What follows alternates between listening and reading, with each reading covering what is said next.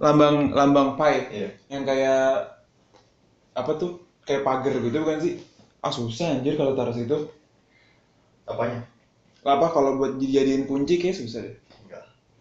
oke balik lagi di siapa sih lo? Episode ke mudah-mudahan ini episode keempat.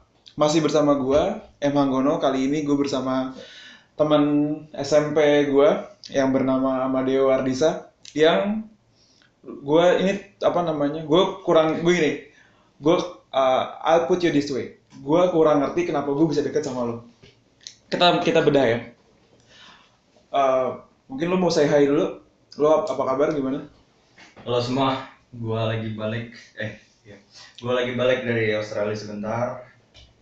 Ya, nama gua Dio. Gua udah temenan sama Nanang dari 2007 SMP ya berarti ya? SMP kelas 1 Iya, 2007. 2007 Way back lah, 12 tahun lalu. nah, nah kenapa tadi gue bilang gue nggak ngerti kenapa gue bisa deket sama lo karena gini cuy sejak sejak kita lulus dari SMP SMA atau waktu udah kuliah lah itu tuh gue kan kalau misalnya pergi sama lo itu tuh berlima kan gue lo Resti Gita RR Hmm. ya kan yang gue nggak ngerti adalah gini uh, kalian kalian dengerin si Deo ini mantan mantanan sama RR yang namanya RR si Dikta mantanan sama Resti.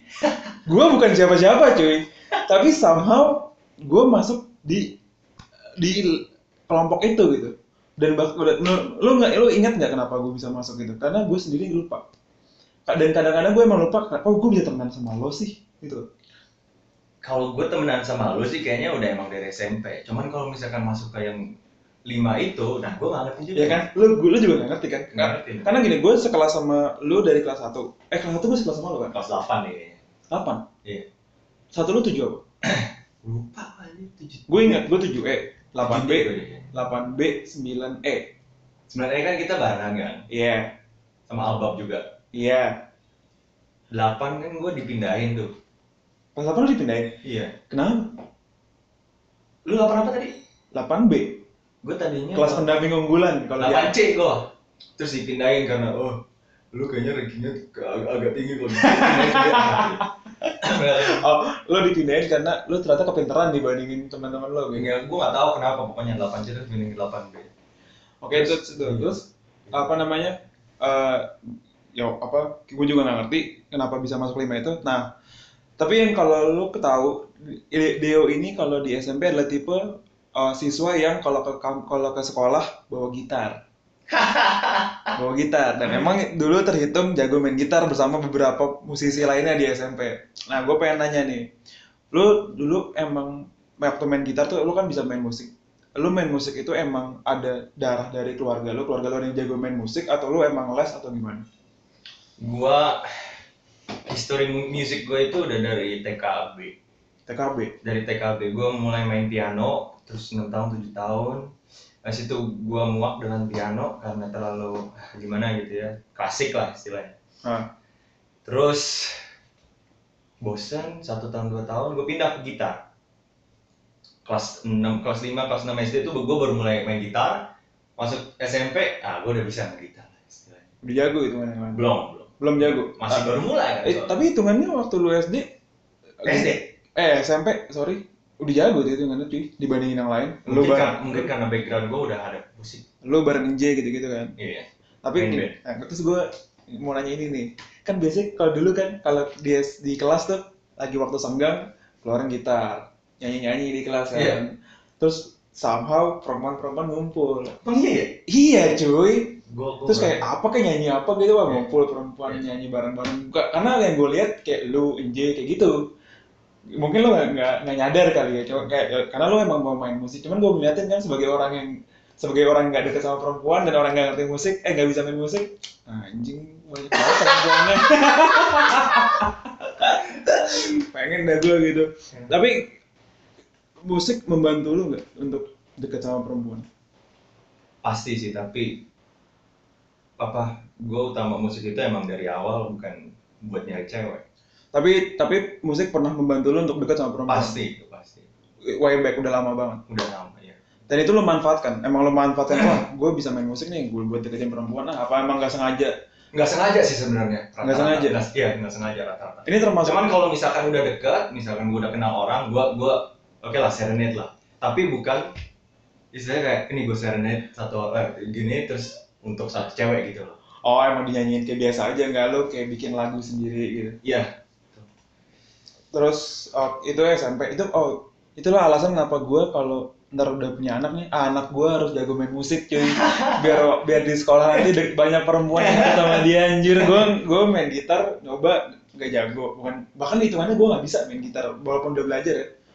Terus udah main gitar doang yang gue pelajarin main gue juga sebenarnya kalau misalkan dibandingin sama gitaris lain sih nggak jago ya.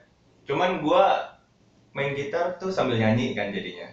Iya buat orang tuh orang gitar orang yang nyanyi terus main gitar itu bisa dibilang approachable istilahnya iya sih oh terus ngomong bukan cowok atau cewek doang orang-orang tuh pasti bisa nge-approach yang main gitar sama vokal Nah kebetulan lu bilang lu vokal, gue jadi gue jadi inget nih, lo dulu ngeband, iya nge-gigs juga kan? iya betul Uh, nah, bandnya apa? The Climax. climax Sama, iya kan, The Climax sama formasi awal tuh Edut, lu sama Dita.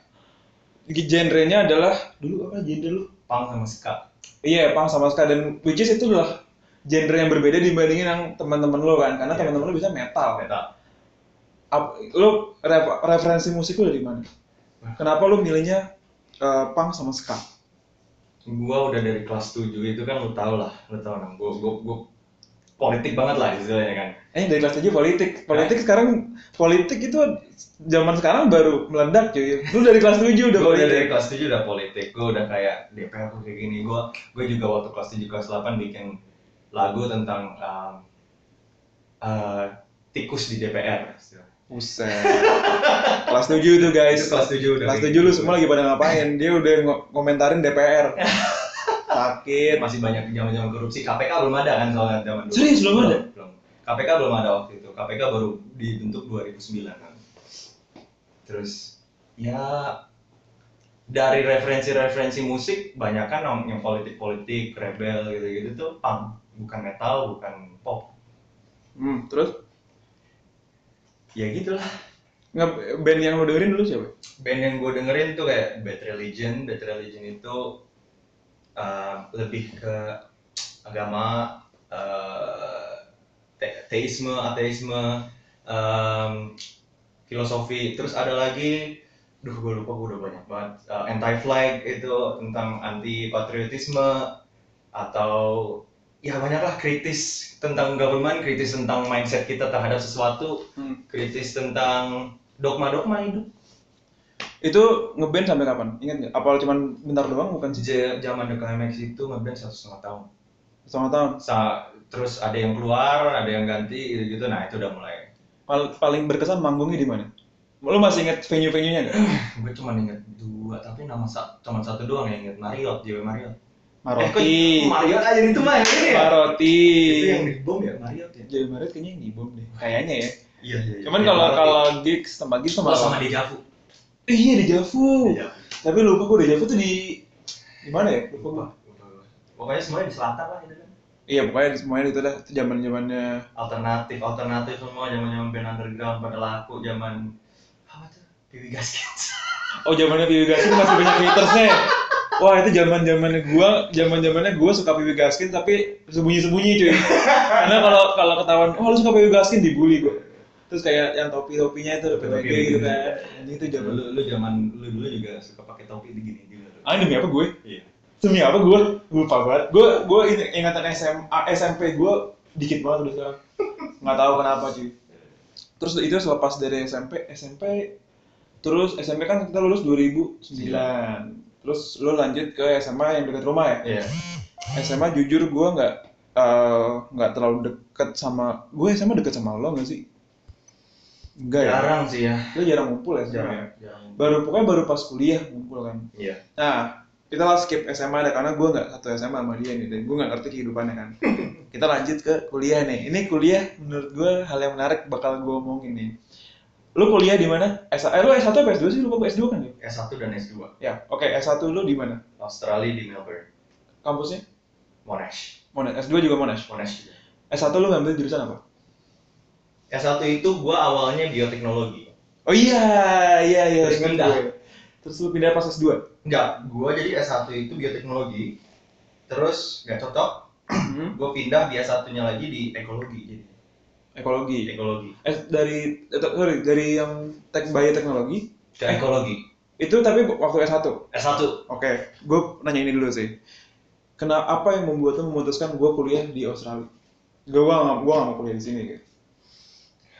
Awalnya lebih ke opportunity sih ya sebenarnya. Nah, Kalau misalkan lu udah dikasih resource, lu udah dikasih opportunity buat edukasi lo lebih tinggi, dan emang di sini itu hitungannya kalau lu jadi saintis atau biologi itu kan nggak terlalu tinggi ya. Iya. Paling tinggi itu ya paling lu ke ITB masuk ke apa namanya Hayati ya. Lik? gue nggak paham Ah. di dunia kayak gitu. Adalah itu yang satunya Hayati di di, di, di ITB. Cuman gua ngeliat ITB kayak dibandingin sama Australia atau UK gitu Hmm? ya lebih bagus di luar lah hitungannya dan gua ada resource-nya alhamdulillahnya gua ada resource-nya gua udah privilege Nah.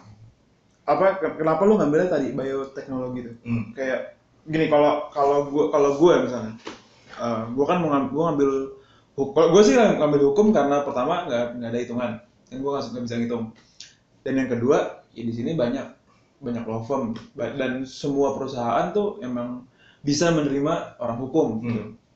Lu nggak kenapa ngambil sesuatu yang sangat spesifik yaitu bioteknologi?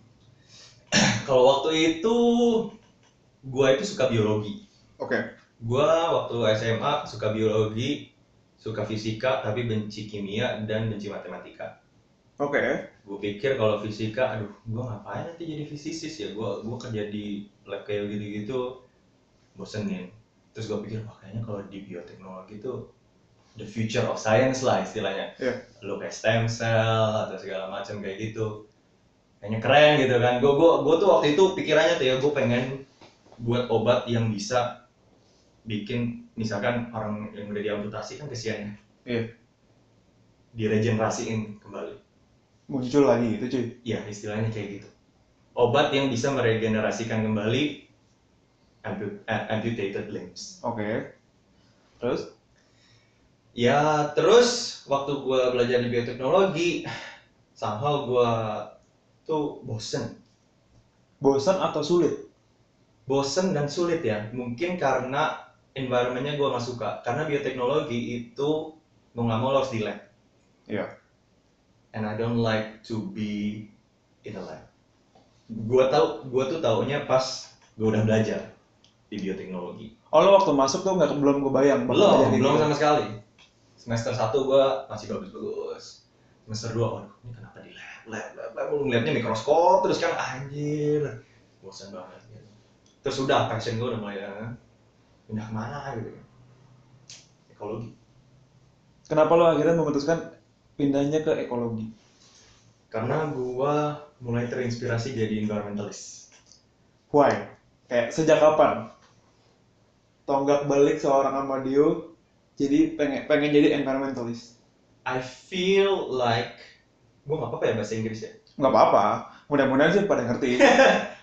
gua rasa uh, I feel like I can connect the dots more like you know Yeah. between different things you know different things in a large scale daripada lu ngeliat ke mikroskop terus nyari sesuatu terus ya harus kimianya lah harus sel-selnya lah. Hmm. gue lebih bisa ngeliat kayak oh biodiversity. Oh ini tempatnya manusia apa yang ma- apa efek manusia di di habitat ini bla bla bla segala macam dan itu gue mulai passion lagi ke environmental setelah belajar Berarti emang waktu lu waktu lu masuk ke ekologi, pindah ke ekologi, itu lu emang riset dulu atau emang kayak kebayang lagi bengong terus kayak ekologi kayaknya mantep gitu. Apa lu riset dulu? gue waktu itu kan I was in a very dark place lah istilahnya pas gue udah mulai kinerja gue di di di S1 bioteknologi itu jelek Ya. to be honest gue fail 5 unit kalau just to make sense of how huge that is satu unit itu 4000 sampai 5000 dolar Uh. Oke. jadi gue udah lose confidence Iya. lose pride gue kayaknya nge itin orang tua terus gue ngapain nih gue pikir wah kayaknya ekologi benar-benar bisa masuk akal gue turns out pas gue ke ekologi juga wow I didn't know a lot of this dan gue become passionate Ya, kenapa lu nggak tertarik sama sesuatu yang generik gitu? I hate generics man Tapi lu maksud tahu maksud gue generik? Kayak misalnya manajemen. I hate things that are too too generic Oh, lo emang maunya yang niche market gue mau gitu. spesialis Oke, terus akhirnya eh, kalau turns out ternyata lu di ekologi sukses. sukses Dan itu kayak ngebuat lu termotivasi untuk lanjut ke S2. S2 Yang di S2 lu lebih spesifik lagi ngambil ke jadi gini ceritanya gue ngambil S2 itu S1 itu kan teori ya banyak teori. Ya, betul. ekologi segala macam. Ah kok gue kayaknya nggak bisa buat impact apa apa gitu loh ke dunia dengan S1 gue ini gue nggak tahu apa apa istilahnya. Gue kalau mau kerja jadi ekologis. Ah gue mana kerjanya? Gitu kan. Terus S2 gue ambil namanya uh, Master of Environmental Management and Sustainability Oke. itu sebelum itu gue nggak tahu apa apa ya tentang sustainability Iya. goal gue waktu setelah lulus S1 gue pengen tahu cara praktikal practical steps buat gimana lingkungan dan kehidupan manusia itu lebih eh, lebih sejahtera. Iya. Gue masuk dah. Jadi emang intinya itu gue pengen tahu practical steps. Jadi lu ngambil eh, apa tadi? Gua kepanjangan namanya sih. Sorry, S2. Dua spesialisasi gue, Ah. corporate sustainability, Oke. sama satu lagi environmental governance. Itu regulasi environment. Oke, berarti yang lu pelajarin sebenarnya di S2 itu adalah bagaimana cara mengelola gitu.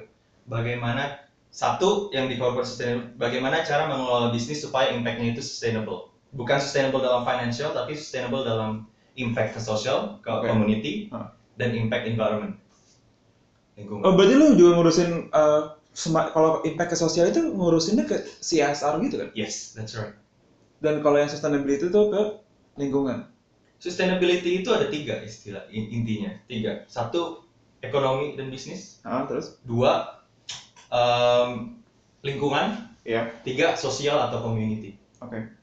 Tiga, sustain- tiga inti itu yang menjadi found- fo- foundation sustainability. Itu lu belajar tiga-tiganya atau apa? Belajar tiga-tiganya. Belajar interkoneksi antara ketiga itu. Ini sebenarnya ribet sih. Apa namanya?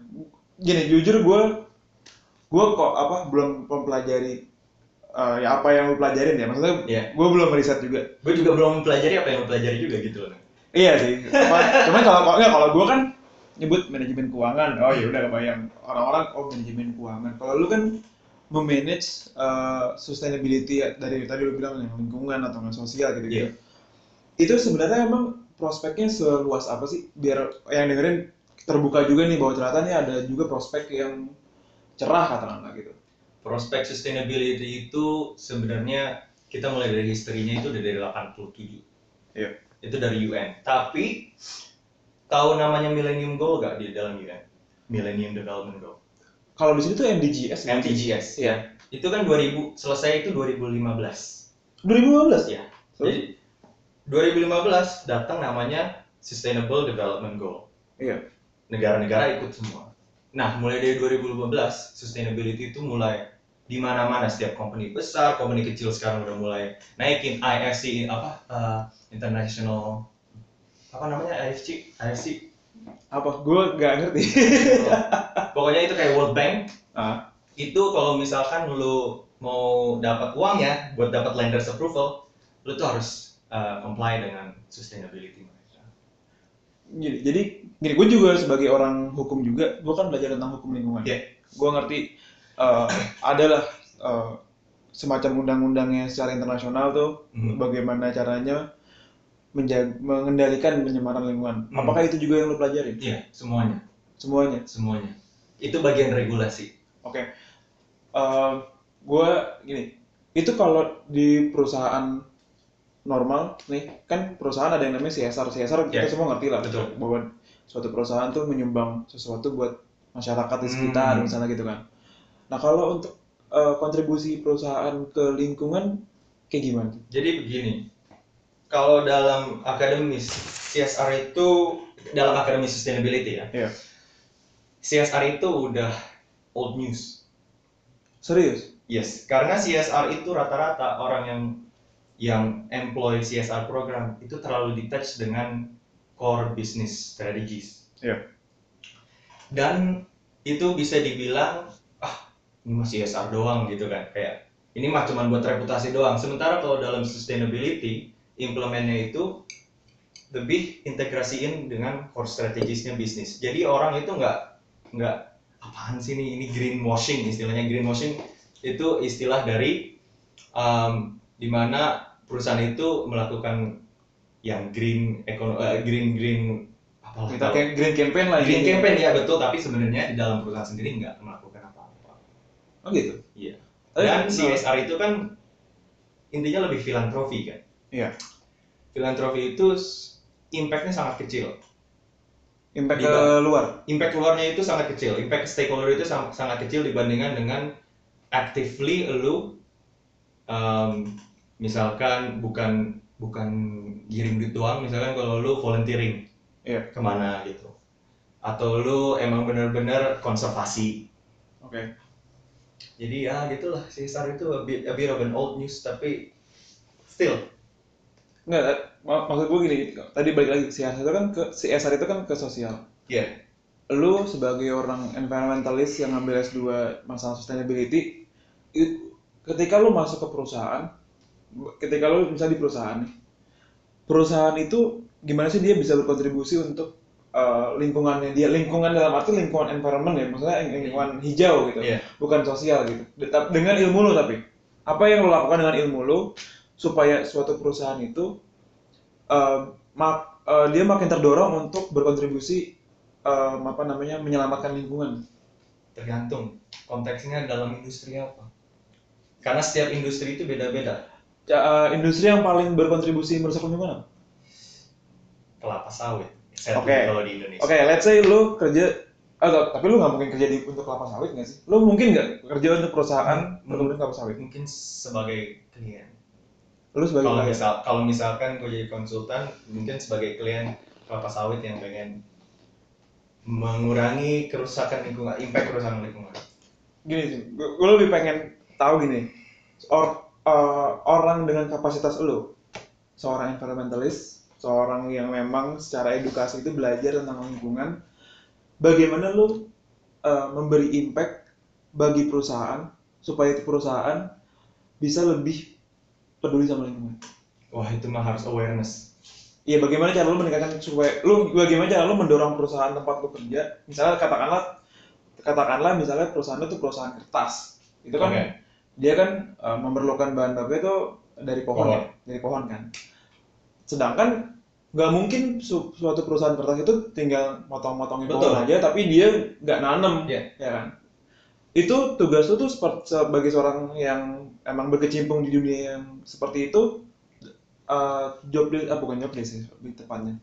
Dampak apa yang bisa lo lakukan kepada terhadap perusahaan itu? salah satu yang paling gampang buat misalkan ya konteksnya kalau misalkan industri kertas itu mereka mengikuti namanya Forest Stewardship Council Oke. di mana sourcing sourcing pohon mereka itu dari sourcing pohon yang either sustainably sourced, sustainably farms, Oke. Um, udah tahu kayak gimana manajemen forestnya, Oke. dan tidak pernah ngambil dari illegal forest, nggak pernah ngambil dari illegal logging. Itu adalah satu, itu salah satu yang paling gampang buat industri kertas ngambil. Oke, kita gini deh, kita kecilin aja deh. Uh, Kecilin lagi konteksnya, kita kecilin konteksnya Ayo. mungkin biar uh, yang nggak belajar pun juga ngerti gitu. Dia ngerti. Lu gini, uh, gua, gua bawa bawa nama perusahaan deh. Lu kan ke Jakarta ini seminggu ini lu wawancara ke Iya. perusahaan. Lu lu lu baru wawancara di salah satu Big Four. Hmm. Kan, biar kalau pendengar juga pasti ngerti lah Big Four yang mana tebak aja gitu. Lu uh, apa apply di bagian Uh, risk advisory dalam sustainability. Nah, ketika misalnya lu ter- diterima di situ, Hmm. job desk lu ngapain? Job desk gua itu wah gimana ya biar simple ya. Ya nggak apa-apa kita dirumitin dulu aja. Ntar kalau emang apa kalau emang ternyata terlalu rumit disimpelin. Nggak ngom biar ngomongin ini aja biar apa secara gamblangnya gimana nggak apa-apa nggak apa-apa ribet tapi nanti gue gue gue nilai aja ini keribetan deh Sim, simplinya gimana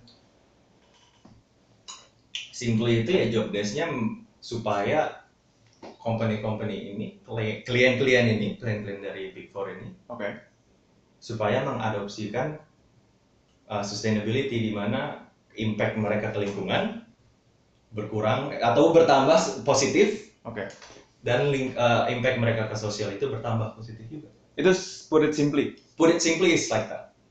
yang ribet emang kayak gimana Yang ribet itu ya yang kayak tadi gue jelasin. Kalau misalkan ke kelapa sawit, beda strateginya. Dan tergantung kliennya mau apa. Cost-nya berapa. Karena kan nggak mudah kan. CSR aja pun nggak nggak murah kan. Hmm, Untuk untuk employ CSR program itu nggak murah. Karena itu cost, ya kan? ya Untuk sustainability implementasinya itu lebih susah lagi. Karena sustainability itu tidak memandang short term. Sustainability itu memandang long term. Apa yang lo lakukan sekarang may be costly, tapi dalam long term itu bakal beneficial, reputation, profit dan segala macam. Berarti bias berarti katakanlah lo kerja di big four tadi itu Hmm. dengan job desk kayak gitu. Terus ada klien nih Hmm. datang ke lo untuk masalah sustainability. Hmm. ya end product yang diharapkan oleh klien itu seperti apa sih? Apakah End product end productnya apakah uh, si klien itu berharap untuk bisa lebih peduli sama lingkungan atau lebih kayak misalnya misalnya cuman kayak supaya si perusahaan ini mengadopsi uh, apa pro- uh, si perusahaan apa peraturan perusahaan yang lebih friend, eco friendly gitu. Hmm.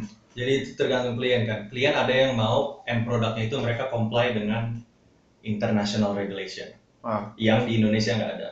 Iya. Klien ada yang mau mereka put it simply comply dengan hukum uh, Indonesia, Oke, ya kan? Iya. Dan itu yang paling mudah untuk dilaksanakan kan pasti. Ada yang mau melakukan lebih, bukan karena regulasi, bukan karena internasional. Karena emang culture-nya mereka atau work vision mereka untuk you know make make a better impact for environment or social, right? You know, it it, it all depends on the client. Gini, ini kan kita ngomongin masalah uh, awareness suatu perusahaan Iya. terhadap lingkungan gitu kan. Betul. Ini perusahaan yang datang ke lo ini dengan melakukan dengan melakukan hal yang demikian berharap profit nggak sih? Bisa nggak sih datang ke lo mau peduli sama lingkungan tapi itu dampaknya profit buat klien gitu. Perspek- perspektif klien itu kan pasti beda-beda. Kalau misalkan mereka pengen dapat profit dari sustainability itu, udah bisa diprediksikan cost awalnya bakal lebih gede biasanya. Kenapa? Karena buat mengimplementasikan sustainability nggak bisa kayak oh ini nih kita kita ngeluarin duit aja deh buat ini charity Hmm. atau ah kita ngeluarin duit aja deh buat ini konservasi. Karena untuk implementasi sustainability, work culture lo harus diubah. Sustainability itu kan bukan bukan lingkungan doang. Iya. Sustainability itu juga tergantung kepada employee. Kalau misalkan employee-nya tetap buang sampah sembarangan, employee-nya tetap beli kopi tapi nggak pakai reusable cup, eh, employee-nya tetap ya pokoknya sesuatu yang bisa nambah sampah atau gimana gitu itu yang paling mudah kan paling mudah gitu. Ya. Nggak bakal bisa ke mana-mana istilahnya. Sorry, berarti eh, apa ada juga klien yang datang ke lo kan kan lo kan konsultan Hmm. berkonsultasi supaya supaya apa ya culture di dalam perusahaan itu juga eco friendly itu juga bisa. Bisa, bisa juga. Ada mu- eh, bukan mungkin, emang banyak klien yang yang, yang pingin mereka itu membenahi diri sendiri dulu. Oke. Ada klien yang pengen yang luarnya pengen kelihatan bagus. Oke. Gini, gimana caranya seorang lo kan pihak eksternal itu kan ya? Iya betul. Bagaimana seorang pihak eksternal itu bisa mengubah budaya di dalam satu perusahaan menjadi budaya yang eco friendly? Itu pertanyaan yang penting dan satu jawaban yang penting juga itu adalah memilih satu orang atau beberapa orang di dalam perusahaan itu misalkan perusahaan ada 50 orang. Iya. Let's say deh ada tiga atau empat departemen di dalamnya. Oke. pilih dua atau tiga orang sebagai sustainability champion supaya mereka itu bisa ngedorong orang lain untuk bergerak ke dalam sustainability itu atau bisa juga satu tim Hmm. ya satu tim untuk pilot study Oke. Iya iya iya. Itu tapi dari itu yang ngerjain lu. Maksudnya yang nyari yang nyari apa championnya itu lu. Yang nyari champion itu ya biasanya kalau kerjaan konsul- konsultan gitu kan harus lias bareng lah ya Iya. cari champion itu emang udah yang ada awarenessnya Cara ngelihatnya gimana? hmm? Cara ngelihat seorang yang punya potensi, oh lu dia kayaknya punya awareness dalam paling gampang survei Oh iya sih. bikin pertanyaan Iya sih. iya kan Tapi kan survei bisa bohong, cuy. Hah? Survei bisa bohong. tapi kan survei biasanya ada ini 1 sampai 5 Oh yang ini ya, yang oh gue ngerti gue ngerti. ada matriks ya kan berarti nanti Iya tapi maksud gua itu ya tergantung margin errornya berapa sih nanti. oh ya betul Ya itu masalah orang statistik dan gue gue nggak bakal gue nggak bakal pernah ngerti masalah itu gitu. Gue karena gue belajar statistik, jadi gue nggak pernah ngerti cuy gitu kan. Terus yang menarik lagi adalah gini, mungkin buat lo mas apa pertanyaan gue ini bakal kayak apaan sih lo? Tapi buat orang-orang yang dengerin ini pertanyaan yang eh, bisa jadi mereka sering denger gitu. hmm. Lo pasti pernah denger yang namanya sustainability development iya atau kalau dalam bahasa Indonesia itu pembangunan berkelanjutan, ya kan? sustainable development kar- karena kita mungkin bakal punya pendapat yang berbeda nih. Iya. Kalau menurut lu sustain- sustainability development tuh kayak gimana sih? menurut gua sustainable development itu gua bakal mungkin bakal quote sustainable development ya Iya. um, a development where the future generations will not have the negative impacts of what the development of current generations have you know? Ah, coba di bahasa Indonesiain. Uh, jadi gimana ya? Bahasa Indonesianya uh, apa? Kalau development itu apa? Pembangunan. Oh, pembangunan. Pembangunan yang tidak membuat masa depan atau future generations Oke. uh, kesusahan Iya. dan deng- dengan pembangunan yang kita lakukan sekarang. Contoh, kalau misalkan kelapa sawit kita develop terus, otomatis ke depannya an- a- anak-anak kita itu nggak bakal tahu namanya hutan. Iya. Itu ekstrimnya ya, iya. nggak tahu namanya hutan. Atau nggak tahu yang namanya kok ini ya, apa Indonesia hijau banget dari dari Iya. satelit. Dulu kan kan. namanya Zamrud Katulistiwa. Kan? dulu kan waktu zaman SD kita bilangnya wah Indonesia itu Zamrud Katulistiwa. Iya. Sekarang udah nggak bisa lagi kayak gitu. Berarti sebenarnya pembangunan berkelanjutan yang seperti apa sih? Maksudnya bentuk konkret dari pembangunan berkelanjutan tuh kayak gimana contohnya misalnya? Dalam opini gue ya, Iya. pembangunan berkelanjutan itu di mana misalkan ada pembangunan infrastruktur itu juga mikirin impact terhadap water, im- impact terhadap climate change, impact terhadap orang juga yang terpengaruhi oleh pembangunan itu. Oke. Kenapa gue tanyain ini? Karena tadi gue bilang, gue sempat bilang kan, eh, ada kemungkinan kita punya pendapat yang berbeda, Iya. ya kan?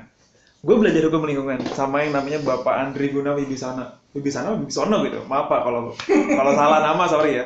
Tapi dia adalah orang orang penting di sini di di Indonesia dan orang penting di luar negeri. Hmm. Gue diajarin, gue ingat banget hukum eh, hukum filosofi hukum lingkungan. Yang namanya pembangunan berkelanjutan itu bullshit. Oke. Kenapa? Pembangunan dan berkelanjutan itu adalah kata dua kata yang nggak boleh jadi satu frasa. Pembangun, karena pembangunan itu identik dengan industri, industrialisasi, Betul. membangun gitu kan, membangun suatu uh, apa namanya negara atau kota. Betul. Sementara berkelanjutan adalah kondisi di mana uh, generasi masa depan itu harus memiliki uh, memiliki opsi atau Betul. memiliki pilihan dalam mengelola lingkungan mereka. Betul. Nah, ketika pembangunan itu dilakukan, Ya. which is semakin membuka hutan misalnya, itu akan semakin kecil kemungkinan generasi masa depan punya opsi atau punya pilihan dalam mengelola lingkungan mereka. Makanya dosen gue sangat sangat apa ya? Kalau dengan kata pembangunan berkelanjutan tuh apaan sih lu? Hmm. Karena itu kalau lu belajar hukum lingkungan itu nggak boleh. Nah makanya gue tadi nanya, nanya ke lu eh, dan kita beda beneran kan? Ya, bukan beda juga sih. Sebenarnya itu gue udah pelajari juga. Oh, ya, perspektif perspektif itu tuh udah dipelajari juga. Ya, Perspektif itu tuh karena sustainable development itu didasari oleh kapitalisme. Wah ini seru nih. Sustainable development itu di- didasari oleh kapitalisme di mana ekonomi itu limitless. Ekonomi itu bakal terus melaju ke atas kan. Itu adalah kapitalisme di mana ne- especially neoliberalisme. dalam ekonomi Oke. ya kan sementara kalau misalkan kita menempatkan diri kita sebagai bumi bumi itu nggak mempunyai resource yang infinite Iya. kalau misalkan resource lo infi- eh, misalkan resource lo finite otomatis lo nggak bisa ke atas terus Betul. Kalau misalkan ke atas terus bakal anjlok nantinya terus katastrofi katastrofi kan Iya. dan ini di, dan gue ngerti di- dari mana profesor lo ini mendasarkan eh, Pemikirannya pemikirannya dari mana? dari di mana kapitalisme itu nggak bisa dengan Dengan apa? sustainable development Oke. nggak bisa dengan menjaga lingkungan karena lu bakal ambil resource resource resource terus Nih, berarti gini, sebagai seorang yang environmentalist, lu lu eh, lebih mendukung yang mana? Pembangunan atau berkelanjutan? Karena gini, kalau lu dukung pembangunan, berarti lu nggak berkelanjutan. Hmm. Oke. Kalau lu, lu dukung berkelanjutan, nggak ada pembangunan. betul Nah, lu dukung yang mana nih?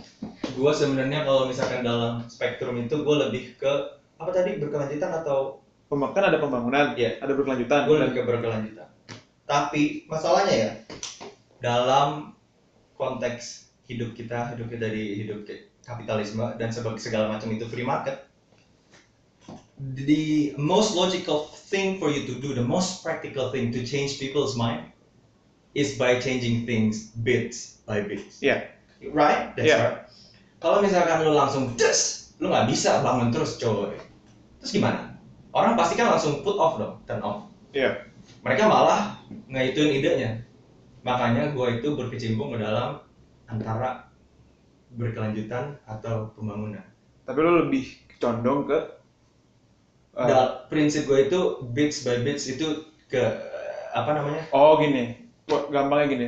Lu sebenarnya condongnya berkelanjutan. ya Tapi lu juga tidak menolak uh, pembangunan, tapi pem- pembangunan itu lu pengennya tuh dia di bawahnya Pelan- nanti pelan-pelan Betul. dibawa ke berkelanjutan. betul Berarti itu kayak ibarat kata makin meng- makin mengurangi ini dong. Apa namanya? Kayak industrialisasi makin dikurangin gitu-gitu. iya betul Oke. Uh, Terus kemudian gue pengen nanya nih, tadi kan dari, dari tadi kita ngomongin masalah uh, ada kapitalisme, Hmm. ada lingkungan, kan? Kita ngomongin hal yang lagi rame. apa ya Gue nggak tahu nih, lu nonton atau enggak? Karena Apa gue udah nonton. Lu nonton Sexy Killers gak? gue belum nonton sebenarnya cuman gue udah tahu dalamnya kayak gimana Yang gini, oke kita kita adalah dua orang yang sama-sama belum nonton. Lu uh, pendapat lu tentang Sexy Killers tuh gimana? Lu menurut lu tuh dalamnya gimana? Terus dampaknya gimana? Menurut lu gimana? lu ngomong sexy killers itu berarti ngomongin tentang batu bara kan gue nonton sekilas sih batubara biasanya ngomonginnya batubara dan gue juga ngeliat di Instagram story itu orang-orang ngomongnya tentang batu bara dan dampak batu bara terhadap lingkungan dan orang-orang sekitar batu bara kan iya terus lu nanyanya gue nanya gue pengen nanya ke pendapat ke lo ya pendapat lu tentang video itu tuh gimana? Menurut gue ya video itu itu is very successful in trying to catch people's eyes you know. Is is very good at marketing oh dia itu pinter banget buat bikin viral lah istilahnya. Iya. Se- secara simpelnya bikin viral. Karena lu tau lah masalah lingkungan itu kan selalu ada di luar benak orang Indonesia lah istilahnya. Yang sexy killer bagus itu dia itu able to apa ya able to apa sih bahasa Indonesianya? Lu nyari bahasa Inggrisnya apa? Uh, sexy killer is are a sexy killer is able to get these people's attention. Ya tadi sama aja mau viral. Exactly. Kayak lu apa sexy killer itu bisa menarik perhatian gitu. Betul, karena ya mau gimana lagi gitu loh. Kalau misalkan isu lingkungan pun nggak ada di omongan masyarakat, mau gimana caranya? Itu yang menurut gua sukses banget Sexy Killers. Tapi yang Sexy Killers nggak bisa utarakan itu adalah kompleksitas industri kelapa sawit atau industri batubara. Em, tapi ya pinter lah istilahnya yang bikin itu kompleksitas tuh maksudnya kayak gimana contohnya kompleksitas tuh ya kalau misalkan bikin kelapa sawit tuh ya nggak lu main bikin kelapa sawit apa farm farmnya kelapa sawit aja gitu. Kalau misalkan lu bikin batu bara ya lu nggak bikin batu bara terus nggak mikirin orang tetap ada prosedurnya. Prosedurnya itu tetap ada oh community engagement segala macam kayak gitu tuh ada. Cuman sama video ini? Sama video ini di diabaikan. Diabaikan. Oke. Lebih cari emosi. Iya. Betul kan? Gue gue pribadi ya sebagai orang yang apa namanya lo boleh bilang gue apatis. Gue ketika tahu ini seksi killer nih pertanyaan pertama gue pertama ini buat apa? Hmm. karena gini eh kalau lo emang udah ngerti dunia kayak gitu ini merupakan hal yang udah terjadi lama banget cuy. Betul. Bahkan kalau lu boleh ngomong di Papua ada. Betul. Di Papua tuh ada freeport. Iya kan? Di, Pa- di Papua tuh ada pertambangan apa? Betul. Di di Kalimantan. Sumatera ada Iya. di Sumatera tuh ada pertambangan apa? Maksud gue gini ini bukan hanya terjadi di Kalimantan. Betul. Ini terjadi di mana-mana di. Indonesia. Dan kata boleh dikatakan ini hal yang lumrah karena memang Indonesia kebetulan kaya akan barang tambang. Iya. dan memang barang tambang itu apa kalau biar apa gimana cara dia eh gimana kalau mau dimanfaatkan itu harus digali. Betul. Jadi memang mau tidak mau ini bakal terjadi gitu. Kan yang gue nggak ngerti adalah gini in, karena in- ini adalah hal yang terjadi udah lumrah. Tapi kenapa lu tiba-tiba bawa ini lu publish video seperti ini ketika mau pilpres? Karena menurut gua ini adalah video yang bisa lu tunjukin kapan pun. Iya. Ya kan? Dan karena memang memang ini terus terjadi.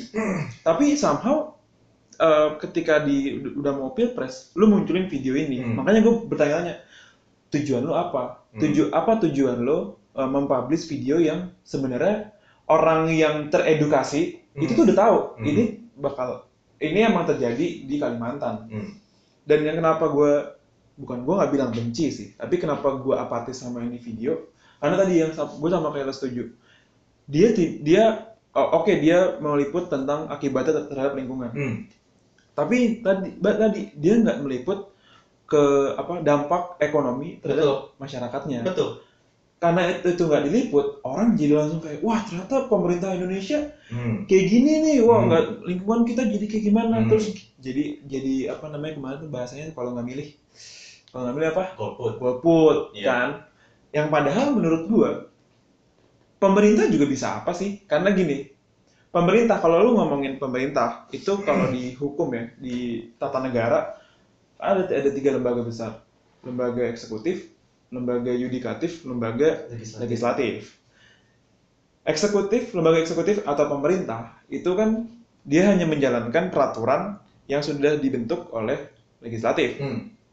Jadi sebenarnya ketika legislatif membolehkan adanya pengerukan batu bara, itu sama eksekutif dieksekusi, itu kan sebenarnya tidak melawan hukum, Dan yang- melawan hukum tidak melawan hukum kan, dan tidak seperti katakanlah itu salah, tapi katakanlah misalnya yang dilakukan itu salah, kan tidak 100% salah kesalahannya pemerintah, Hmm. ada yang salahnya DPR. Hmm.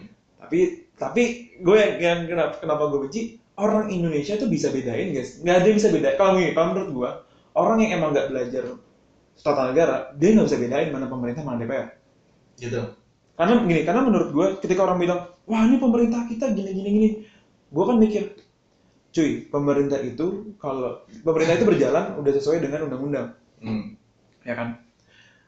Jadi ketika di pemerintah melakukan sesuatu, misalnya menjual hak hak untuk apa namanya mengelola uh, hasil Tambang. bumi, hasil Iya. tambang, itu sudah ada jalurnya Hmm. yang yang disiapkan oleh uh, lembaga legislatif. Hmm.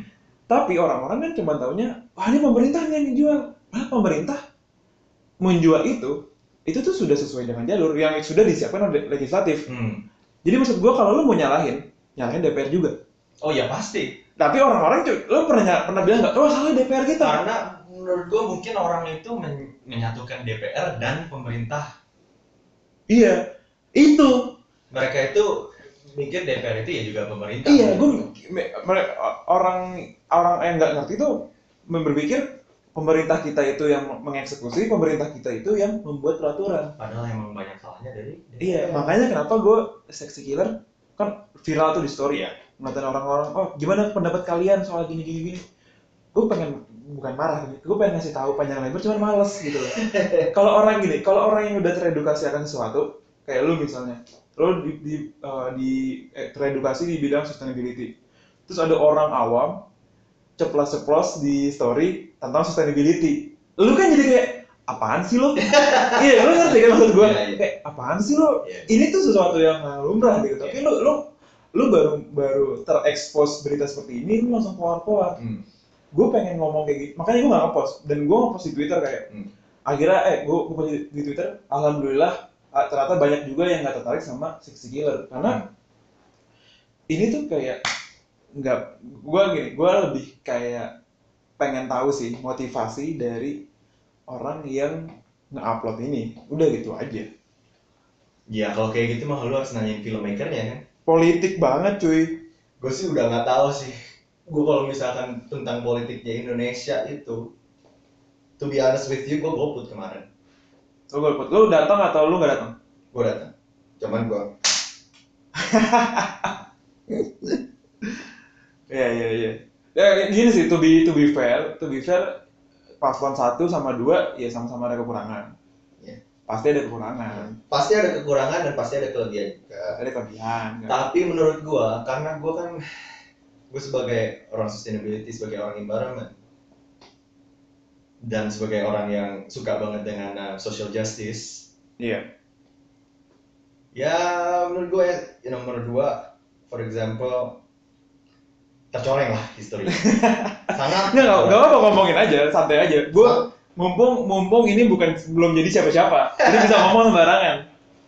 sangat tercoreng sementara kalau yang nomor satu emang oke development tuh tinggi banget Pembangunannya. pembangunannya wah, pesat banget banyak lah portofolionya cuman emang buat lingkungan itu very bad Oke, oh gitu. iya betul Contohnya, Jadi- contohnya. Hah? Contohnya ini, contohnya. Contohnya itu pembangunan di Papua atau um, diversifikasi energi di Indonesia. Plannya itu dalam 2 sampai 2030 itu diversifikasinya itu bukan dari batu bara lagi, Hmm, tapi dari gas. Oke. Karena gas itu dalam sustainability itu adalah alternatif antara batu bara dan renewable energy yang masih mahal di sini. Iya. Ya kan? Enggak ke mana-mana. Oke, iya iya iya. Dan kelapa sawitnya itu, oke, gue kasih konteks yang lebih dalam lagi. Kalau misalkan company beli lahan atau memakai lahan di Kalimantan untuk kelapa sawit, Ya. company ini aware tentang environment, aware tentang orang hutan, dan punya plan. Ah, gue mungkin serat eh, 2000 hektar dari 5000 hektar ini gue bakal jadi konservasi. Dalam regulasi lingkungan sekarang itu nggak boleh karena 5000 hektar itu harus dipakai buat produksi Hmm. kelapa sawit. Iya iya iya iya, ngerti ngerti ngerti. Ya. Ya. Pembangunan da- dari pembangunan nomor satu juga itu AMDAL itu dikurangi. Per, eh, ketat, rasa ketat AMDAL itu, AMDAL itu eh, apa singkatan dari? Analisa mengenai dampak lingkungan. Betul, ya AMDAL itu sangat dikurangin compliance-nya. gue baru tahu sih gue udah gue uh, gini gue uh, sebagai orang hukum belajar juga hukum lingkungan gue belajar lah kalau misalnya lo mau bikin uh, perusahaan atau usaha di mana ada amdal ada izin Hmm, lingkungan ada hmm, izin betul, lala izinnya pokoknya berlapis kan Berlapis, betul. tapi menurut lo itu sebenarnya uh, apa namanya masih ada kayak celah masih banyak celahnya untuk apa namanya tidak tidak untuk tidak comply terhadap perusahaan eh, Masih terhadap banyak. peraturan masih banyak Iya, masih banyak sekali. Oke, berarti lo kan tadi lo golput, eh, lo golput karena menurut lo dua-duanya ini apa eh, punya reputasi buruk lah di lingkungan gitu kan? Iya. Karena gue pengen nanya ke lo, lo tinggal di Australia, Iya. di Melbourne. Menurut lo per- eh, pemerintah mereka itu menganut apa atau bukan menganut apa ya? Pemerintah mereka tuh lebih aware sama lingkungan nggak sih? hard question because ada dua parti atau dua partai yang uh, istilahnya gede lah ya. Iya. Dua partai ini kayak kalau di Amerika kayak. Demokrat sama Republikan. Iya. ya. Satu itu namanya Liberal Party of Australia. Nah, Liberal Party of Australia ini yang lebih konservatif, tapi namanya liberal. Jangan pusing ya, tapi Liberal Party of Australia ini malah kayak Republikan. Iya. Um, Labour Party ini yang lebih kiri istilahnya. Oke. Uh, everything about um, social justice, environmental protection dan sebagainya. Nah, dalam dua periode terakhir itu di dipimpin oleh Liberal Party. Ya. Performance-nya environment di Australia itu selalu menurun dan emisi emisi greenhouse gas Ya. itu naik terus dari semenjak uh, Liberal Party in power. Oh kalau di Australia kayak gitu kondisi. Yes. Berarti Dan so- dan social justice-nya itu berkurang juga untuk uh, suku-suku aboriginal. berarti menurut lo pemerintah Australia yang sekarang ini kurang peduli terhadap lingkungan. Sadly, kalau misalkan lu di dalam political spectrum of right political spectrum Iya. konservatif itu rata-rata mereka itu tidak terlalu ngitun lingkungan. Oke. Tapi apakah kiri, apakah yang partai kiri itu pasti peduli terhadap lingkungan? Rata-rata partai yang di sebelah kiri itu per- eh, peduli lingkungan dan peduli eh, peduli sosial juga. Oke, berarti sekarang gini, lo kan, ya lo emang belajar di bidang itu kan. Sekarang gue pengen nanya, ada nggak pemerintahan negara mana gitu yang memang peduli terhadap lingkungan? Costa Rica. Costa Rica, kenapa? Costa Rica itu sekarang 100% renewable energy. Contohnya? Maksudnya ya 100% itu mereka energinya, listriknya Heeh. itu dari tata surya, hydropower, uh, dan semua yang yang energi-energinya itu bisa di berkelanjutan. Mereka nggak ngambil energi listrik dari batu bara. Mereka nggak ngambil energi listrik dari fuel. Tapi apakah apa kata pertanyaan gue gini, mereka kan tadi bilang mereka itu tidak mengambil apa energi dari tambang, Betul. gitu kan? Tapi apakah emang mereka punya tambang? Maksud gue gini, kalau emang ternyata mereka punya tambang dan mereka memilih untuk menggunakan alternatif lain, oh itu keren. Hmm. Tapi kalau misalnya uh, mereka menggunakan uh, misalnya tadi hydro apa? Hydropower atau hydropower atau solar gitu-gitu, power, ya. pokoknya uh, energi alternatif, tapi mereka emang nggak punya apa tambang, ya itu merupakan hal yang biasa gitu. Mhm. Nah, apakah emang mereka punya tambang atau sebenarnya enggak? Gue kurang tahu kalau misalkan Costa Rica, tapi masalahnya di dunia ini kayak Cina itu bisa dibilang nomor satu dalam negeri sendiri ya. Iya. Nomor satu dalam growth-nya energi alternatif. Cina. Cina nomor satu di dunia. Iya.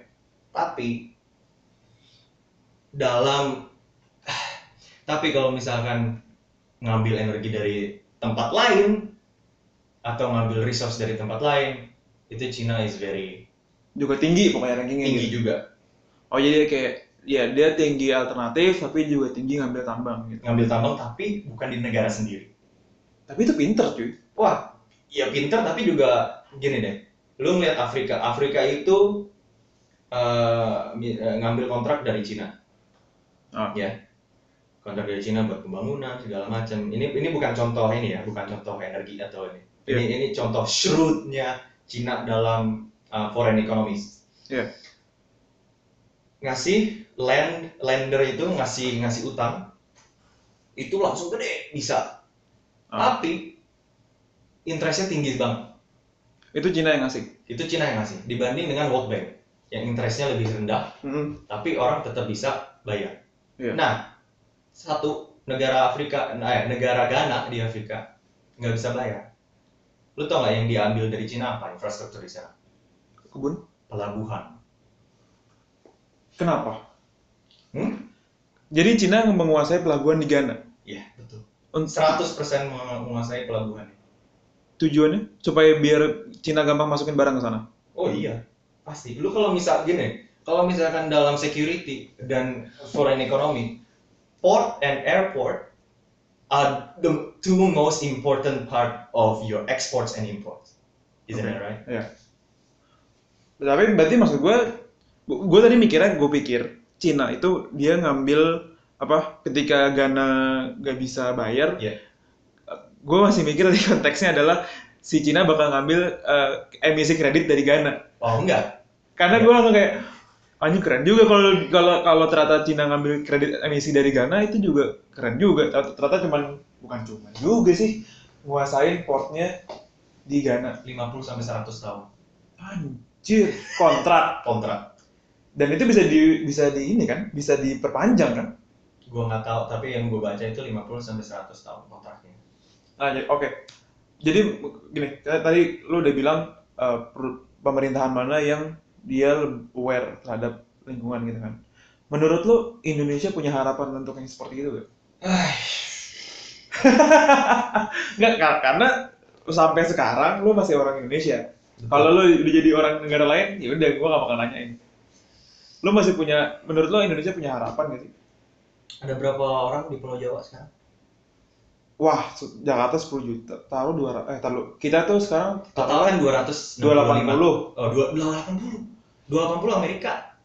Ah, ter- gua terakhir, terakhir sensus, gua gak tahu sih terakhir sensus kapan. Taruh lo 260 deh, taruh 260. Di Jawa itu taruh 100 deh. Susah deh kayaknya. Jadi menurut lu harapan Indonesia untuk, eh harapan pemerintah Indonesia untuk lebih peduli terhadap lingkungan tuh kecil? butuh signifikan perubahan di dalam pemerintahannya itu sendiri. Di legislatif di, di, di yudikatif hmm, nggak terlalu ini ya nggak terlalu apa namanya? Kan yudikatif kayak MK gitu-gitu Iya, ya iya. Iya kan? Yudikatif nggak sih. Sama eksekutif. Karena eksekutif di Indonesia itu powernya sangat gede juga. Oh berarti yang maksud lo tuh eh, untuk kita bisa jadi kayak gitu, pertama yang harus diubah dari dari awal banget, langkah pertama itu mengubah culture. merubah culture di dalam pemerintah Mengubah culture tuh nggak sembarangan. oh iya makanya makanya Paling paling cepat adalah dengan em, memotong generasi, oh iya betul dan itu nggak mungkin. masalahnya itu yang paling mungkin supaya kita geraknya cepat itu membuat generasi kita atau generasi lima tahun 10 tahun di atas kita atau generasi setelah kita mengerti tentang lingkungan dan social justice How? Ngasih pelatihan. Hah? Ngasih pelatihan. education Ya, itu kalau mau kayak gitu pelatihannya juga harus wajib. nah education itu datangnya dari mana kalau di Indonesia rata-rata eh, dari kampus, dari dari pemerintahan karena mereka yang bikin kurikulum Ya. di kurikulum kita emang ada dipelajarin tentang wah peduli lingkungan. Paling nggak buang jangan membuang sampah sembarangan. Ya lagi gini ya gampang gini aja deh. kita kalau kita kan di di KFC KFC Indonesia udah mulai tuh budayakan bersih bersih sendiri. Malah dimarahin cuy Iya. kayak ah, ini sebenarnya kerja apaan? Gitu, itu makanya makanya gue bilang susah banget cuy. Dan mental mental sih. Emang mental? Mental kita sih. Oh, terus oh ini deh. Ini mungkin pertanyaan yang less uh, less serius kali. Ya. hmm. nggak tahu juga sih kalau menurut ini serius tadi kan lu dari tadi sempat nyebut social justice. Ya. Social justice itu apa sih? Social justice itu banyak ya dalam situ. Misalkan lu dalam hidup itu pengen mem- memberantaskan poverty Iya. kemiskinan. Itu salah satu contoh dari uh, social justice. Lu pengen uh, membantu uh, petani-petani di Kalimantan atau lu pengen membantu orang-orang atau minoritas istilahnya kayak Kristen itu kan cuman berapa persen di Indonesia si, apa cuman berapa persen Christian paling cuma 10 persen nan ya ya 8%, 10%. kalau asumsi 10 persen Iya. Dan banyak yang mempe- mempersekusi, iya ya kan? Mereka itu sering banget dipersekusi oleh kaum kaum mayoritas. Iya. Social justice itu bukan kayak yang orang-orang bilang ah ini social justice warrior. itu itu yang mau gue tanyain nanti social justice itu lebih dari itu kalau misalkan lu bicara serius ya. Iya. Karena at the towards the end lu itu pengen nyoba ngebantu orang-orang yang istilahnya nggak punya nggak selak nggak selaki lu di nggak nggak punya privilege nggak punya privilege underprivileged people Oke. minority is under uh, most of the time minority itu underprivileged karena Iya. ada persekusi a lot of the time not a lot of the time. Every time in their life orang yang pover kemiskinan itu underprivileged orang yang kena amputasi atau dis- disabled itu underprivileged dan kita itu butuh awareness kehadap orang-orang yang nggak punya privilege sekitarnya nah terus pendapat terhadap social justice warrior kita itu gimana tuh? Karena gini ya gue nggak ngerti gini gue sebagai orang yang orang hukum uh, kuliah di FH kebetulan teman-teman gue gue kebetulan gue bergaul sama orang yang memang dia social justice warrior. Hmm. tapi sekarang gue ngelihat gampang ya yang gue yang gue alamin di Twitter gitu banyak orang self proclaim gue SJW nih ngebela sana sini gitu gitu kan. Nah menurut lu social justice warrior tuh kayak gimana sih? Atau gini menurut lu social justice warrior Indonesia yang lo tahu tuh kayak gimana? Apakah emang udah sesuai dengan yang dimaksud dengan social justice atau kayak ini udah mulai berlebihan misalnya gitu? Nggak mungkin sih. Menurut gua kalau misalkan lebih banyak social justice warrior lebih bagus hidup daripada nggak ada sama sekali lebih baik orang fake sebagai social justice warrior karena mereka itu inilah istilahnya. Kalau misalkan lu baru masuk mus- musik di mana scene-nya itu baru terus lu ah ini poster boy nih ya, kayak- oke. Ya kan? Eh po- poser poser boy. Poser poser tapi kan mereka lama-lama itu belajar tentang itu secara dalam. Nah tapi yang yang bahayanya itu bukan bahaya sih. Lebih kayak ke kalau misalkan mereka malah salah artikan. Hmm. Iya kan? Iya.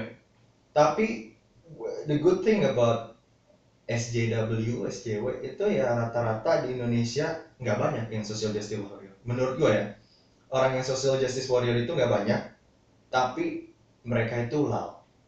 Iya betul. Right. Berisik gitu ya. Berisik. Orang Indonesia nggak suka yang berisik. Secara kultur itu orang Indonesia nggak suka yang berisik. Iya, betul sih. Lu ngapain sih ngomong-ngomong kayak gitu mulu? Nah atau kayak gua personally nggak terlalu suka sama vegan yang selalu bilang ah belum makan daging itu kan itu bla bla animal rights segala macam gitu gitu loh. oh iya kan ada kalau misalkan social justice warrior itu intrusif terhadap orang lain itu it can become problems right Iya. kalau intrusif tapi kalau misalkan mereka menyuarakan ses- sesuatu terus tanpa lu harus begini begini begini gini menurut gue sih nggak fine. Mungkin bakal lebih diterima gitu ya. Betul. Tapi ke- kena gini kenapa gue nanyain eh, apa SJW Indonesia? Karena menurut gue ini SJW konteksnya udah luas banget cuy. luas sangat luas sekarang dan bahkan gini aja deh. Nih gue minum kopi nih. Sedotannya besi. Ini kan kita sedotan sebutannya sedotan SJW oh gitu ya? Lah di Indonesia gitu cuy.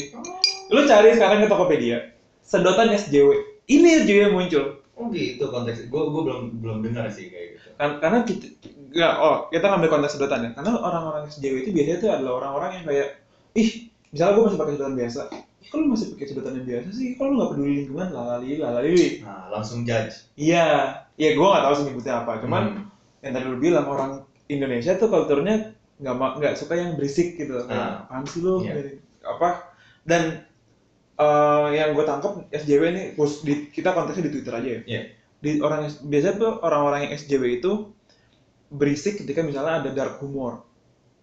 Ada dark humor misalnya gue nggak gue kalau lu tanya ke gue dark humornya seperti apa gue nggak bakal kepikiran karena gue bukan tipe orang yang kalau mikir cepat nah. Gue harus riset dulu lama gitu baru nemu jawaban yang cemerlang. Tapi gue sering menemukan ketika ada bercandaan bercandaan yang dark gitu tuh. Dark itu kayak apa misalnya konteksnya apa example-nya apa misalnya tentang kemiskinan atau tentang apa jokes tentang misalnya oh gini deh gampangnya eh, apa namanya body shaming Mhm. body shaming aja Hmm. itu tuh pasti langsung banyak tuh kayak ih kok lo body shaming sih kan kecantikan itu nggak cuman dari nggak cuman yang kurus Hmm. yang gendut juga bisa gendut kok Iya. lo nggak boleh body shaming dong atau Iya. lo nggak boleh shaming face shaming dong kayak Iya. Gue jadi tidak bisa menikmati itu loh. maksudnya gue bukan tipe orang yang body shaming Hmm. tapi maksud gue ada ada kalanya kok eh, apa namanya ini tidak perlu sampai seperti itu mungkin memang orang bilang oh ini bullying Hmm. dikategorin jadi bullying Hmm. lagi. Jadi menurut kalau kata kalau gue boleh nge-quote temen gue, SJW itu kalau sejak adanya SJW ini di Twitter, kita jadi nggak bisa ketawa lepas. Tapi lu pernah mikir gak kalau misalkan ketawa lepas dulu kita itu dikar eh, membuat orang itu menjadi lebih Iya, rendah gitu? ya makanya gue pernah makanya gue pernah nge-tweet juga cuy, kayak hidup kita lima tahun yang lalu itu lebih mudah, jauh lebih mudah dibandingkan sekarang. Karena karena sekarang gue mau ngejokes apa, pasti mikir.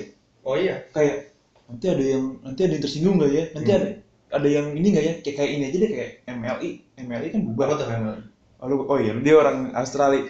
Jadi di, di kita tuh ada namanya Majelis Lucu Indonesia dulu. Eh, yang hostnya itu eh, Coki Pardede sama Tretan Muslim. Mhm. namanya Coki Pardede. Gue lupa pokoknya antara itu pokoknya. Mereka tuh ya suka apa ya ngejokes pokoknya tentang satir gitu-gitu lah. Hmm. satir gitu-gitu.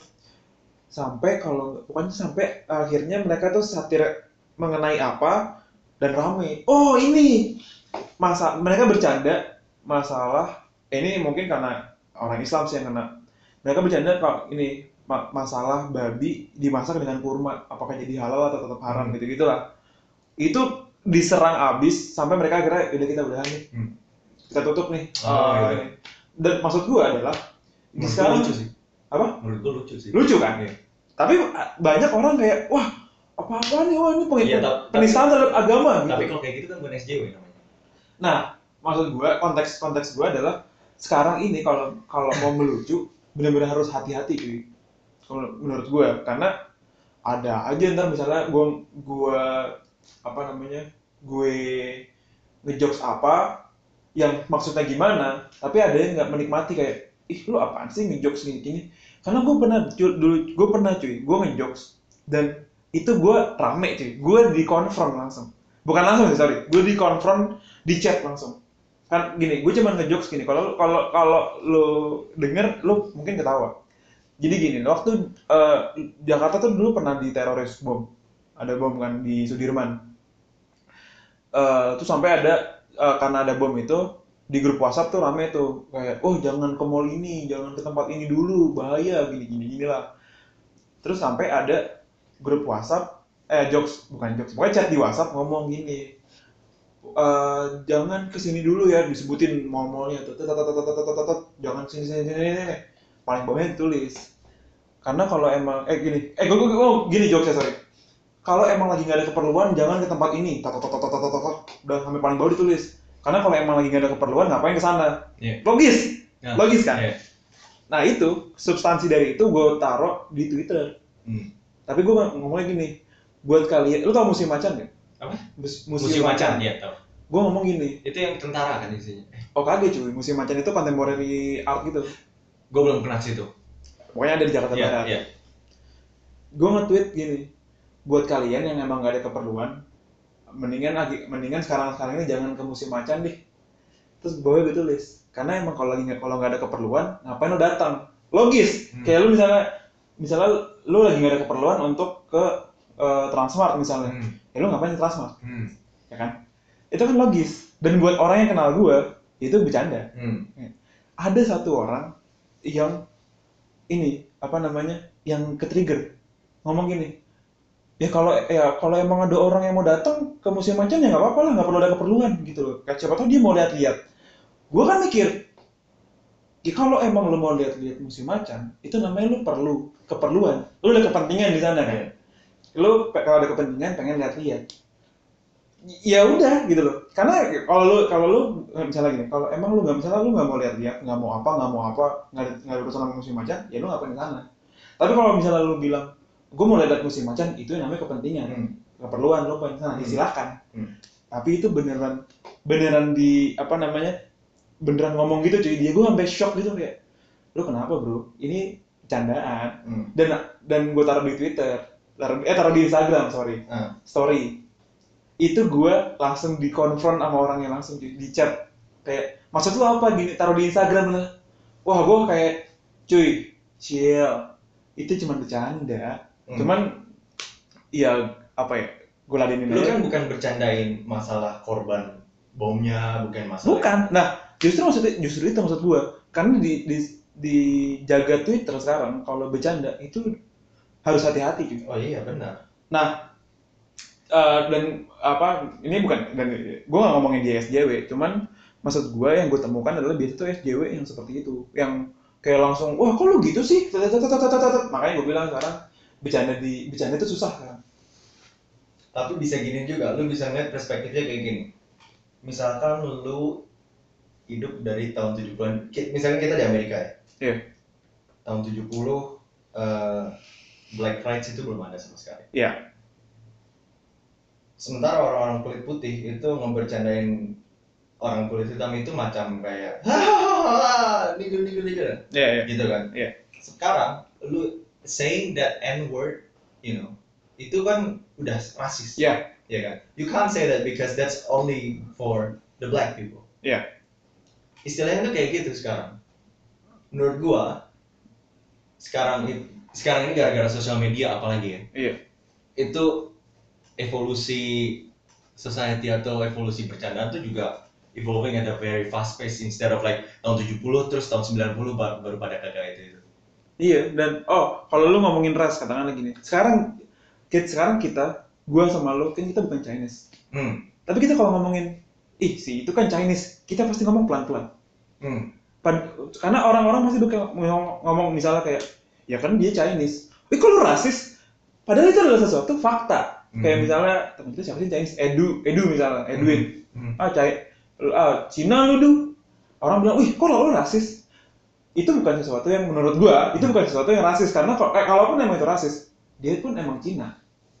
Kecuali dia misalnya sipit, bukan Cina, terus dia bilang, Cina lu rasis. Atau Hmm. misalnya, ih Cina, Cina kan pelit misalnya gitu. Iya. Itu menurut gua rasis. Tapi Iya. kalau itu No. soalnya udah main stereotip stereotip stereotip Iya. kalau lu udah main Cina dengan maksud jahat dan maksud dengan stereotip itu udah rasis kalau misalkan lu jokesnya di antara teman-teman dan itu emang nggak membuat orang yang Chinese itu Tersinggung. merasa tersinggung I think it's fine tapi itu emang khusus buat lingkup lu doang gitu loh istilahnya iya dan sementara kan orang lain nggak ngerti konteks lo apa Iya sih. Apa namanya? Makanya juga kalau gue masih nggak ngerti sih ketika misalnya kayak eh itu kan gue misalnya itu kan Tionghoa ada orang gitu kan kayak eh, eh ngomongnya jadi gede. gue sih nggak harus Iya. Tapi itu kalau itu kalau melihat Tionghoa kan. Sekarang kalau misalnya di kondisi sekarang nih, lu ngomongin salah satu paslon aja, itu lu diem-diem cuy, sumpah. Apa namanya? Temen gue apalagi kayak kalau misalnya gue ngomong, iya kan Prabowo gini, gue ngomong gede misalnya. Iya kan misalnya Prabowo kan gini gini gini. Dia kayak, nah, nah, nah, lu gila lu nah. Apa, gue kayak, apaan sih? Gue mau ngomong gede-gede emang kenapa? Ya, dan lingkungan kita udah kayak gitu sekarang.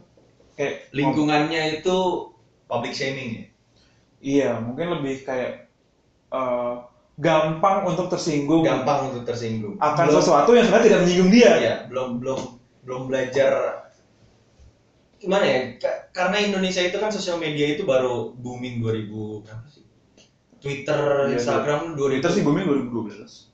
2012 tapi kan orang-orang yang tua-tua itu kan belum belajar menyaring informasi dan segala macam Iya. yang tersinggung itu rata-rata orang tua juga Kalau gue sih berpendapat mungkin orang orang kita tuh harusnya lebih belajar untuk tidak tersinggung akan sesuatu yang bukan sebenarnya bukan dia gitu. hmm.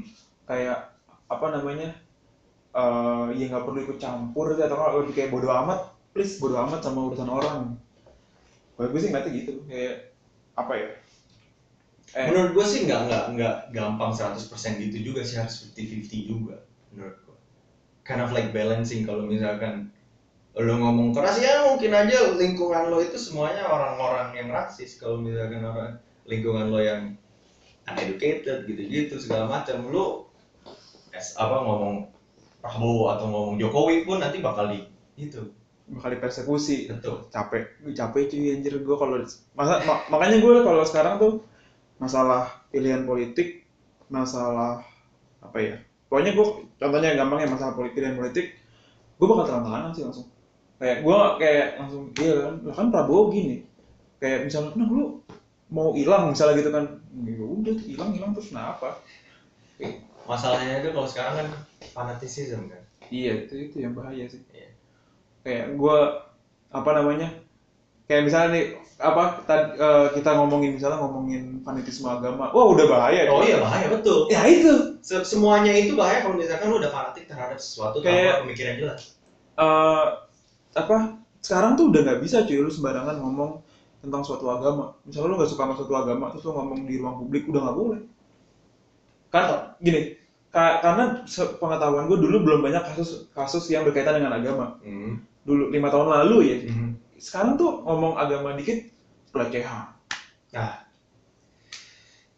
ya. susah makanya makanya maksud gue It- itu gara-gara regulasinya juga yang mem- iya sih. ma- ma- salah siapa? Salah salah ini bukan salah pemerintah salah legislatornya. Salah legislator. salah lembaga yudikatif bukan Iya, lembaga eksekutif. terus kan banyak orang nyalain rezim. Bencana alam bisa yang nyalain rezim. Eh bisa yang disalahin rezim loh.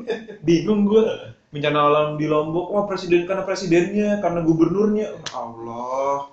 Gue nyebut nama Tuhan nggak ketahuan deh agama gue oh, iya. oh, sekarang udah berapa nih? Wah udah satu jam 14 menit anjir. Eh, buat kalian yang stickin dari tadi eh, gue sangat berterima kasih karena menurut gue topik kali ini tuh nggak semua orang bisa ngerti sih. Begini sangat bermanfaat sangat eh, insightful. Cuman kalau eh, lu Kalau nggak ngerti bisa langsung tanya juga nggak apa-apa. ya kalau nggak ngerti bisa langsung tanya Lihat gue Instagram. nulis eh, nulis Instagram sama Twitter gue di Spotify kalau lu atau enggak kalau lu mau nanya langsung ke to, apa ke tamu gue sekarang langsung ke Twitternya di mana? di @deuska d e o u s k a t. Nah tuh kalau kalau lu kalian tuh nggak sepakat sama kita atau kalian mau jadi haters kita silahkan langsung ke sana kita ngomongin ngomongin langsung aja kenapa misal misalnya eh, apa namanya kalian nggak sepakat kayak wah pembangunan berkelanjutan tuh gini gini gini silahkan gua akan menimpali kalau eh, gua akan menimpali sejauh yang gua ngerti Iya.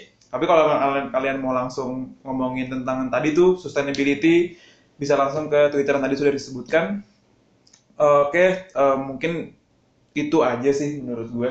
Se- Apa ya pembicaraan untuk hari ini untuk malam ini karena sekarang sekarang malam, gue rekamannya malam. Eh, terima kasih eh, Deo untuk waktunya, untuk Sama-sama. ceritanya, untuk sharingnya, untuk ilmunya. Thank you opportunity. Terima kasih juga buat kalian yang udah dengerin sampai habis. Kalau misalnya kalian dengerin sampai habis, kalian keren. Kalau dan kalian kalau misalnya kalian ngerti, kalian keren banget. Oke, see you on the next episode. Bye bye.